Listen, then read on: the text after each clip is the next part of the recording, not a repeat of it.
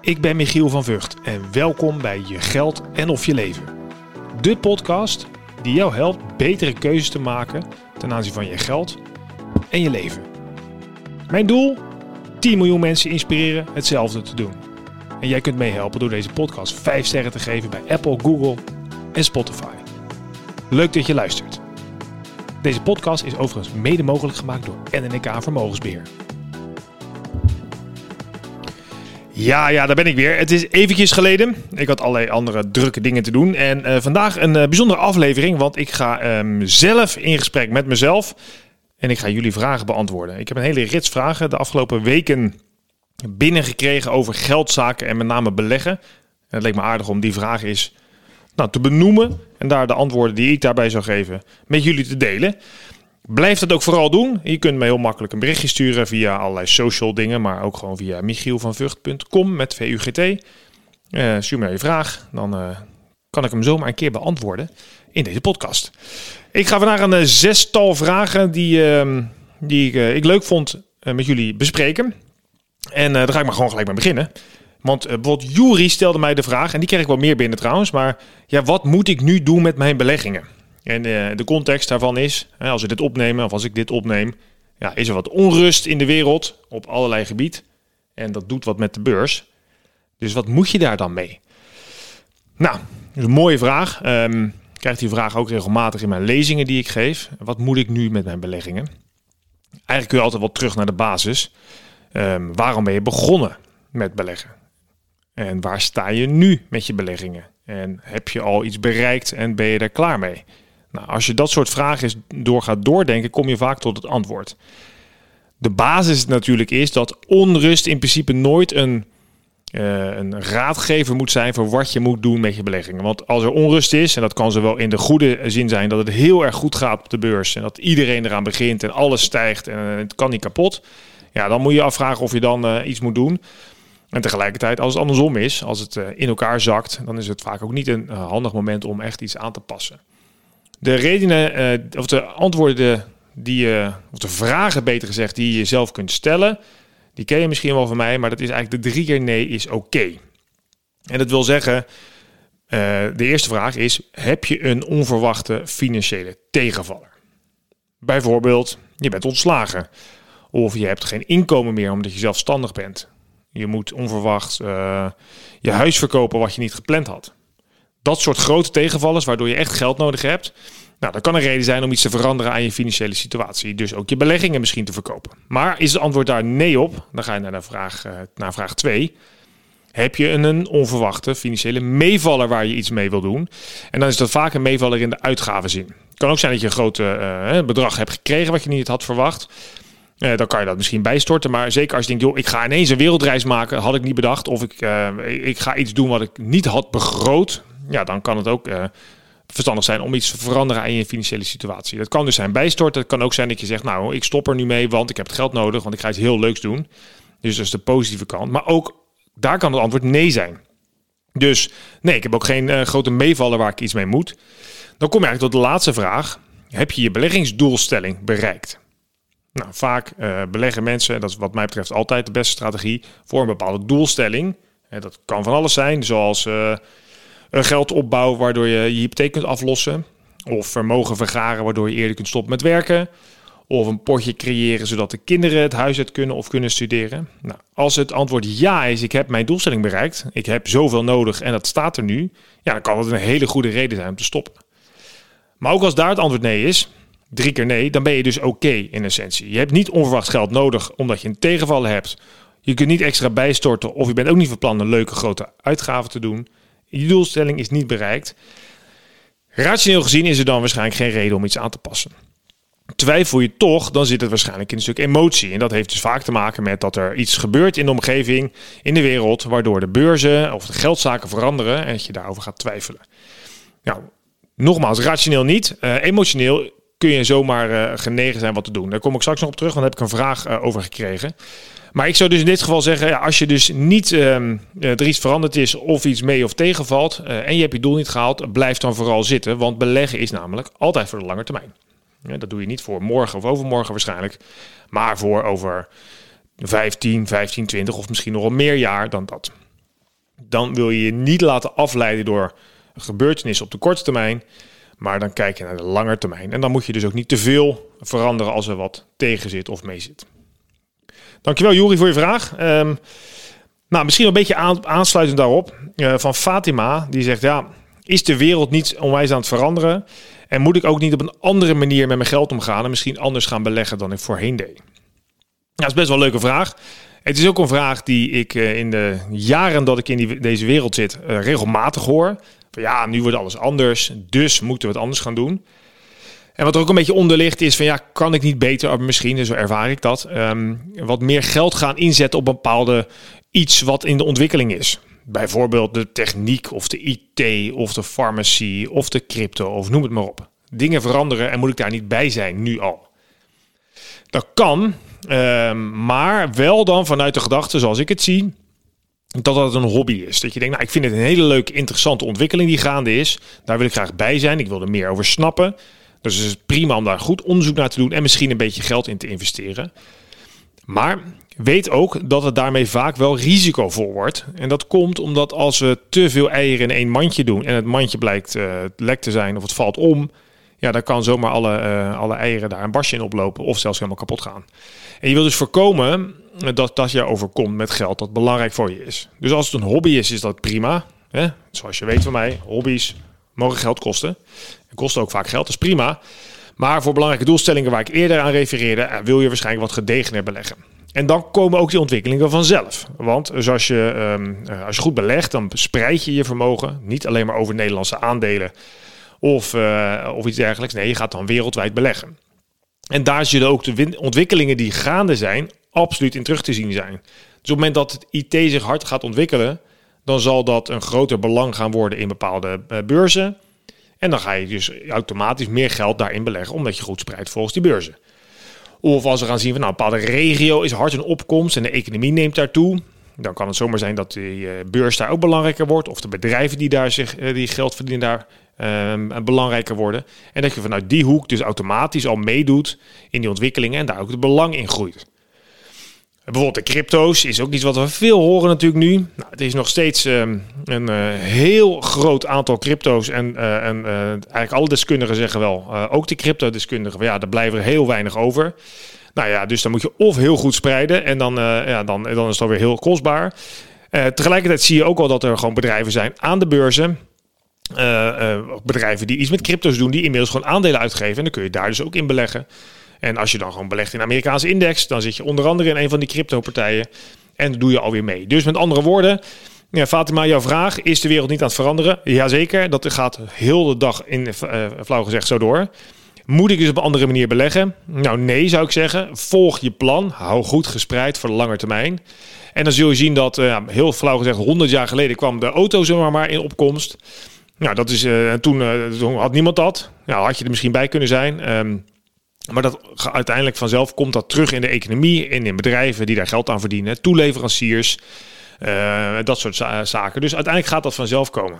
Ga je dus te vroeg wat doen, kan het ook tegenvallen dat je in een sector of in een bedrijf start wat uh, ja, mislukt. Dat gebeurt namelijk ook. Dat hebben we eind jaren 90 gezien in de IT. Toen ging het veel te hard.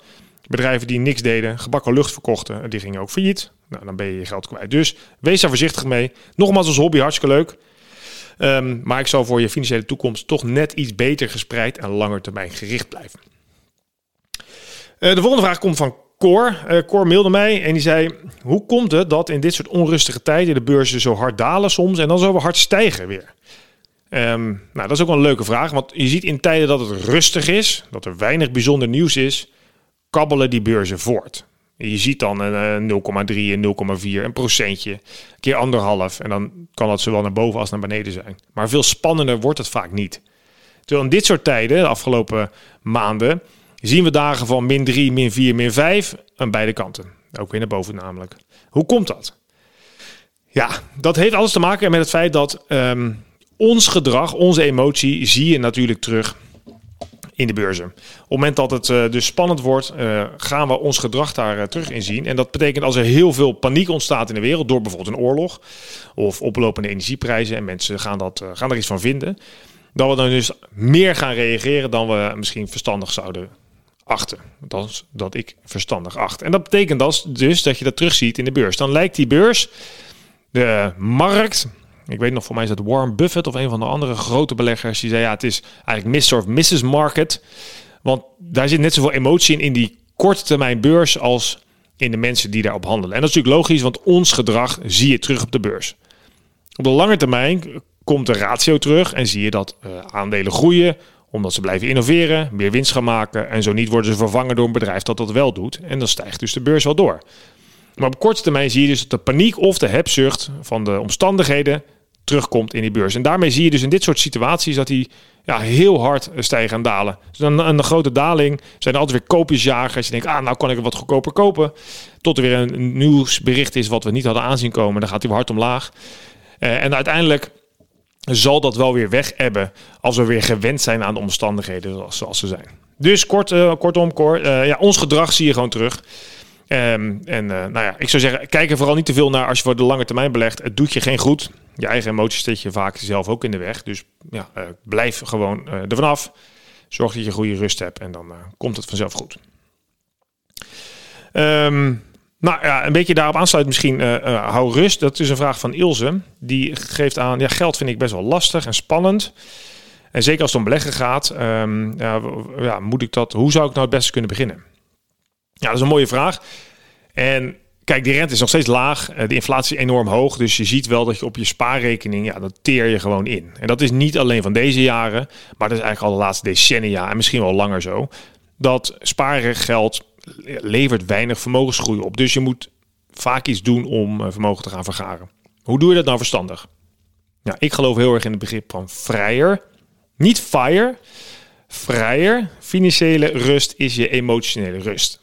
Het moment dat je financiële rust hebt, ben je ook, uh, nou, is het makkelijker om emotioneel rustig te blijven. En hoef je dus ook geen rare dingen te doen met je geld bijvoorbeeld. Nou, om dat te krijgen als je gaat beleggen, is het altijd verstandig, wat mij betreft, om uh, te zorgen dat je financiële huishouding op orde is. En daarmee zeg ik altijd tegen iedereen die ik spreek: als je gaat beleggen, moet je eerst sparen. Is een verplichting bijna om op verstandige manier te gaan beleggen. Begin je met sparen. En hoeveel je dan moet sparen hangt van je eigen situatie af. Maar er zijn twee redenen waar je altijd voor moet sparen, vind ik. Eén is de onvoorziene uitgaven. Ik, ik noemde het net bij de eerdere vraag van Juri. Heb je een grote financiële tegenvaller? Nou, dan hoor je maar een grote. Iets wat je echt niet had in je, in je spaarrekening had. Maar relatief kleine financiële tegenvallers moet je wat mij betreft op, uh, al gespaard hebben. Denk aan een uh, kapotte wasmachine. Dat is een makkelijk voorbeeld. Of een uh, auto die, die niet door de APK komt, die wat extra reparaties nodig heeft. Ja, dat geld wil je reserveren. Iets wat er gaat gebeuren wat je niet had voorzien, onvoorziene omstandigheden uh, die jou een extra rekening opleveren. Nou, daar wil je geld voor opzij zetten. Hoeveel dat is, hangt van een aantal dingen af. Bijvoorbeeld, heb je een eigen huis? Dan is dat wat hoger, dat bedrag dat je opzij zet, omdat je daar een lekkage kan hebben wat je zelf moet betalen, om maar wat te noemen. Um, heb je een eigen auto, idem dito. Als daar iets aan kapot is, moet jij het betalen. Heb je bijvoorbeeld kinderen in huis? Heb je een groot huis? Heb je een rieten kap? Nou, noem het maar op. Heb je een eigen zaak? Misschien wat meer opzij zetten voor als er even geen inkomsten zijn. De vuistregel, eh, drie tot zes maand salarissen, um, zit je, uh, ben je vaak een heel eind op weg. Wil je nou meer weten? Kijk dan even op het site van het Nibud. Die hebben daar een bufferberekenaar. En dan kun je aangeven wat je omstandigheden zijn en hoeveel verstandig is in jouw situatie om ongeveer opzij te zetten. Dat is één. Ten tweede moet je wat mij betreft sparen voor de voorziene uitgaven. Dat zijn dingen die je weet dat er gaan aankomen. En dat kan zoiets uh, makkelijk zijn als een vakantie de komende zomer of de zomer daarna. Als je het al weet, dat geld wil je ook reserveren. Dat wil je niet aan je beleggingen toevoegen, maar dat wil je reserveren zodat je lekker zonder zorgen op vakantie kan, wat er ook gebeurt op de beurs. Uh, maar hetzelfde geldt ook voor, bijvoorbeeld voor een verbouwing, uh, het vervangen van een auto of bepaalde doelstellingen die dichtbij liggen. Dus stel je kinderen gaan over drie jaar misschien studeren, dan kan het al best verstandig zijn om misschien een deel van het belegd geld uh, alvast liquide te maken, zodat je de eerste jaar of twee jaar kunt betalen uit het spaarrekening. Dus de voorziene uitgaven die je de komende 1 tot 3 jaar verwacht te gaan doen, altijd sparen. En daarmee creëer je namelijk rust, want je weet wat je wil gaan doen en wat er misschien onverwacht gaat komen, dat je dat kunt opvangen. Uh, nou, en dan kun je het geld dat je over hebt, en dat kan ook 100 euro per maand zijn, of 200 euro, of misschien een groter bedrag, kun je rustig opzij zetten voor langere termijn, want je hebt het niet nodig. Het geeft dus rust. Je hoeft er niet naar te kijken. De omstandigheden in de wereld doen er veel minder toe, want het geld krijgt automatisch een bepaalde horizon, zodat je er rustig uh, vanaf kan blijven. Um, dus ik zou je dat aanraden, Ilse. Uh, zorg voor een goede financiële basis, zodat je het geld dat je opzij zet zonder zorgen weg kan zetten. Nou, in dit geval natuurlijk geldt dat, en dat geldt in heel veel van die vragen, dat ik het altijd verstandig vind om een onafhankelijk financieel planner of financieel adviseur in de hand te nemen, die met jou eens gaat kijken van waar sta je nu eigenlijk? Wat heb je allemaal? Waar beweeg je naartoe met je geld? Wat verwacht je nog te gaan doen? En wat is dan de beste financiële keuze? We kunnen heel eind zelf, um, maar heel veel dingen zijn toch ook echt wel uh, werk van specialisten. He, dus wat uh, moet je nou in, beleggen in een box 1 of box 3? Moet je nou geld schenken of niet? Kan je hypotheek beter lang of kort vastzetten? Kan je nog beter wat overwaarde opnemen en dat te gaan beleggen voor later of niet? Nou, allemaal dat soort vragen. Um, kan een specialist samen met jou echt wel helpen invullen. En dan, ja, dan krijg je uiteindelijk betere keuzes. Nog twee vragen. Jeroen stelde de vraag: ja, ik ben eigenlijk van plan te gaan beginnen met beleggen. Uh, maar ik twijfel of dit nou wel het juiste moment is. Wat denk jij? Nou, vind ik ook een goede vraag. Daar zit gelijk ook een stukje van de emotie in, die we eerder hoorden in een vraag uh, van onder andere Jury. Um, kijk, wat er eigenlijk achter zit, is dat je twijfelt, denk ik, als ik het zo vertaal, of dit nou het juiste instapmoment is. Er zit ook nog een dubbele vraag in, of een dubbele manier van naar, ernaar kijken. Namelijk, moet ik gaan timen? Kan ik niet beter even wachten en dan straks op een beter moment aankopen? Nou, het antwoord is uh, flauw, maar, uh, maar toch het, hetzelfde wat ik vaak geef. Je weet het niet. Niemand weet wat er morgen gaat gebeuren. En zeker niet volgende maand of volgend jaar. Dus daar kun je ook niet op gaan, gaan timen. Want het kan goed gaan of het kan slecht gaan. Maar ja, stel nou dat het heel goed gaat. Ja, dan, dan wacht je nog steeds op een lager moment. En als het heel slecht gaat, dan ga je twijfelen, wordt het toch niet nog slechter. Dus dat is vaak niet de beste strategie. Tegelijkertijd kunnen we niet zo makkelijk zeggen: joh, weet je, laat maar gewoon storten, het komt altijd wel goed. Dat is misschien op lange termijn wel zo, maar je wil ook emotioneel gezien een goede keuze maken aan het begin. En zeker als het een wat groter bedrag is, en dat is voor iedereen natuurlijk verschillend, maar kan het best wel uh, onprettig zijn op het moment dat je gaat beginnen met beleggen en de beurs gaat net nog even een tikje omlaag, dat je denkt, ja, had ik maar gewacht. En dat je helemaal geen vertrouwen meer krijgt of dat je een slechte start hebt. Dus ik snap best wel dat die emotie en dat gevoel wat er heerst, dat dat belangrijk is om daarmee om te gaan. Dus wat wij vaak zeggen, ja kijk, als je gaat beleggen, moet je de lange termijn in ogenschouw houden. Je hebt hem ook nodig. Want hoe langer je kunt beleggen, hoe meer je kan profiteren van het rendement dat gemaakt wordt. En dat gaat eh, naarmate de tijd voordat ook steeds meer impact hebben. Dus je moet zorgen dat je die termijn hebt. Dus als je te lang gaat wachten, of je gaat te veel gefaseerd inleggen, als je een groot bedrag zou hebben, ja, dan ga je voor een deel van het geld de looptijd weer kort te maken en profiteer je minder. Dus dat is ook een lastige. Tegelijkertijd kan je best zeggen, spreid het in een paar stukken. Even een hypothetisch voorbeeld. Stel je hebt 100.000 euro, dat wil je gaan inleggen. En je denkt, ja, ja, is dit wel het juiste moment? Ik heb misschien wel 20 jaar, maar ik vind het toch spannend. Ik kan me goed voorstellen. Begin dan met bijvoorbeeld, nou, ik doe 10.000 euro uh, eh, 10 maanden lang. Of 8.000 euro ongeveer 12 maanden lang. Dat je het spreidt in een gefaseerde periode van zo'n beetje een jaar niet veel langer zou ik doen. Uh, vanwege het feit dat je dan je horizon steeds korter maakt. Voor, en dat geld staat maar te wachten. En je wilt het uiteindelijk laten renderen op de lange termijn. Dus het kan heel verstandig zijn om te zeggen, nou, voor je gevoel spreid het in meerdere delen. Um, omdat je dan uh, denkt, ja, dan zit ik ook niet fout. Rationeel gezien is op lange termijn zo, hoe langer je belegd bent, hoe meer opbrengst je hebt. Maar ja, natuurlijk zijn er momenten waarbij je achteraf gezien had, ja, had ik dan maar niet ingestapt, want toen uh, heb het net misgegaan. Dus dat weet je toch niet. Dus daarmee kan dat gefaseerd inleggen absoluut wel zorgen voor een stukje rust. En daar gaat het natuurlijk om. Je wil rust krijgen met je beleggingen. Je wil er niet te veel naar kijken. Je wil je niet druk over maken. En als je dat dan gefaseerd doet, zou ik in essentie aanraden, doe dat dan geautomatiseerd. Dus uh, boek gewoon 10 automatische inleggen in van 10.000 euro in dit voorbeeld. Uh, gewoon op de, weet ik veel, 25ste van de maand. En dan wordt het vanzelf ingelegd. Dan hoef je niet na te gaan denken, is dit nou een goed moment? Ben ik te vroeg of te laat? Nee, dan gaat dat vanzelf. Maar je spreidt wel je inleg. Ik hoop dat het een beetje helpt. En de laatste vraag, en die, uh, althans heb ik bus voor het laatste bewaard, want die vind ik wel leuk. Die is van Dave. Uh, die zegt, uh, die vraagt, ja, welk gedrag vind je zelf nou het opvallendst in deze bijzondere tijden? En dan denk ik uh, dat daarmee bedoeld wordt met bijzondere tijden, dat we zien dat, nou, dat er veel beweging is op de, op de geldmarkt en de aandelenmarkt. En dat de mensen daar dus gedrag door gaan vertonen. Nou, zoals je misschien weet van mij heb ik het boek geschreven Net iets slimmer. Even een klein beetje reclame. Overigens net een nieuwe editie uit. nog meer inzichten. Nog nieuwere inzichten. net iets slimmer. Allbol.com natuurlijk te koop. Uh, maar goed, daar staan een aantal gedragingen in. En twee die ik altijd mooi vind in deze tijd, of dit soort onrustige tijden. En het gaat zowel als het heel goed gaat op de beurs, als het uh, minder goed gaat. Uh, het zijn er twee. Ik zou de eerste is de neiging die we hebben om actie te ondernemen. En het, in mijn boeken verschrijf ik een voorbeeld van de keepers. Als het gaat om het WK voetbal bijvoorbeeld. Dat kennen we misschien nog wel van een aantal jaar geleden. Dat komt er weer aan. En dan worden penalties genomen. Dan moet je maar eens opletten wat keepers doen. Die hebben heel vaak de neiging om een hoek te kiezen. Sterker nog, onderzoek wees uit van een aantal jaar geleden dat in 94% van de gevallen een keeper een hoek induikt. Terwijl een derde van de penalties eigenlijk in het midden blijft. Dus je, kan ook, zou kunnen zeggen, um, ja, je kan beter blijven staan. Dan heb je een derde van de penalties. Terwijl als je namelijk al, bijna altijd duikt, dan heb je daar veel minder kans op. Dat blijkt ook. Um, je kunt beter niks doen. Dan heb je grotere kans om een penalty tegen te houden. Maar dan gebeurt namelijk wel iets eh, anders. Dan gaat natuurlijk iedereen zeggen, als het niet lukt en we verliezen de penalty shootout, dat we zeggen, ja hallo, wacht even, had wat gedaan joh. Dus onze neiging is om te zeggen, ik moet wat doen, ik moet bezig zijn, ik moet actie ondernemen. Dan ben ik bezig en dan heb ik in ieder geval mijn best gedaan. Ik heb er alles aan gedaan. dat soort uitdrukkingen. Um, we hebben ook wel andere uitdrukkingen, bijvoorbeeld uh, learning by doing. Dat is zo'n Engelse uitspraak. Ja, je moet wat doen om het te leren. Nou, dus het, in heel veel van onze eh, beeldspraak zit actie.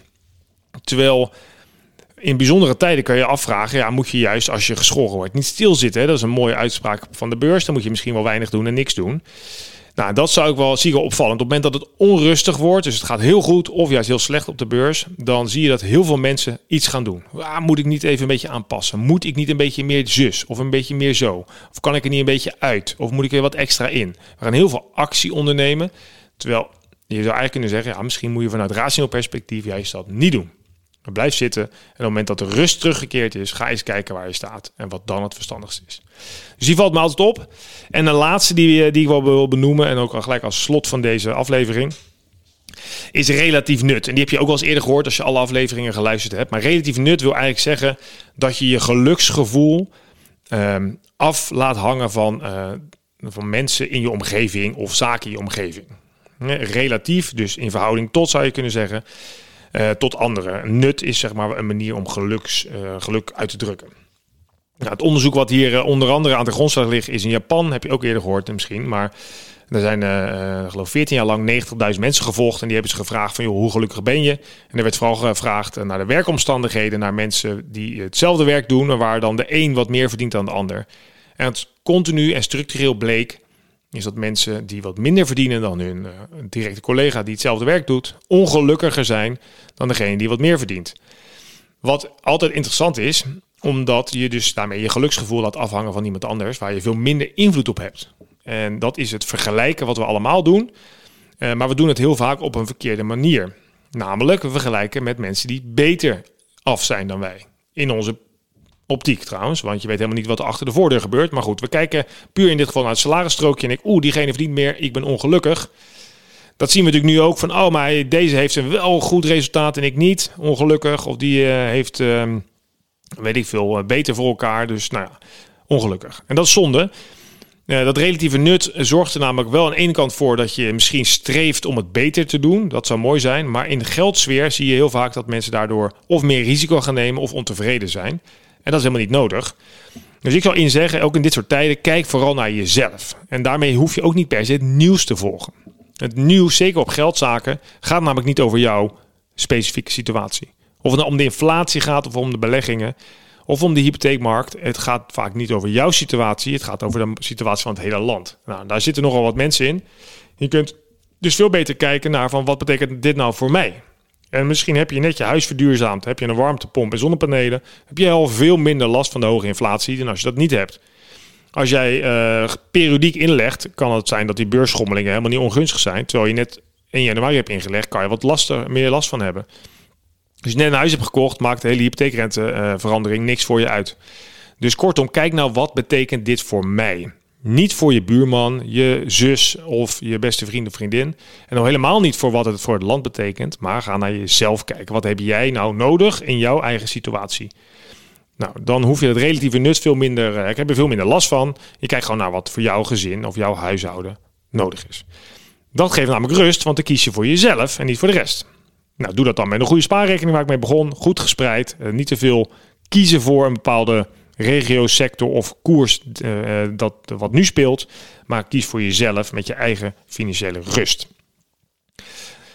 Ik zou je dat graag aanraden. En nou, ik hoop dat dit wat vragen beantwoordt die er zijn, die er leven in deze tijd.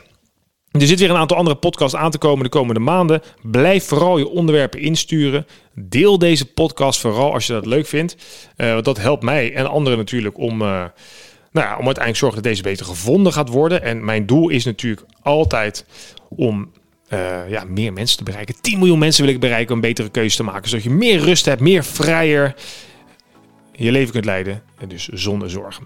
Nou, Juri, Fatima, Cor, Jeroen, Ilse en Dave, onwijs bedankt voor het insturen van de vragen. En ook nog een aantal anderen die hier overigens bij horen. Um, maar ik heb deze even eruit genomen. Nogmaals bedankt voor het luisteren. Ik wens jullie voor nu een hele fijne dag. En uh, ik kijk uit naar je berichten en reacties. Tot ziens.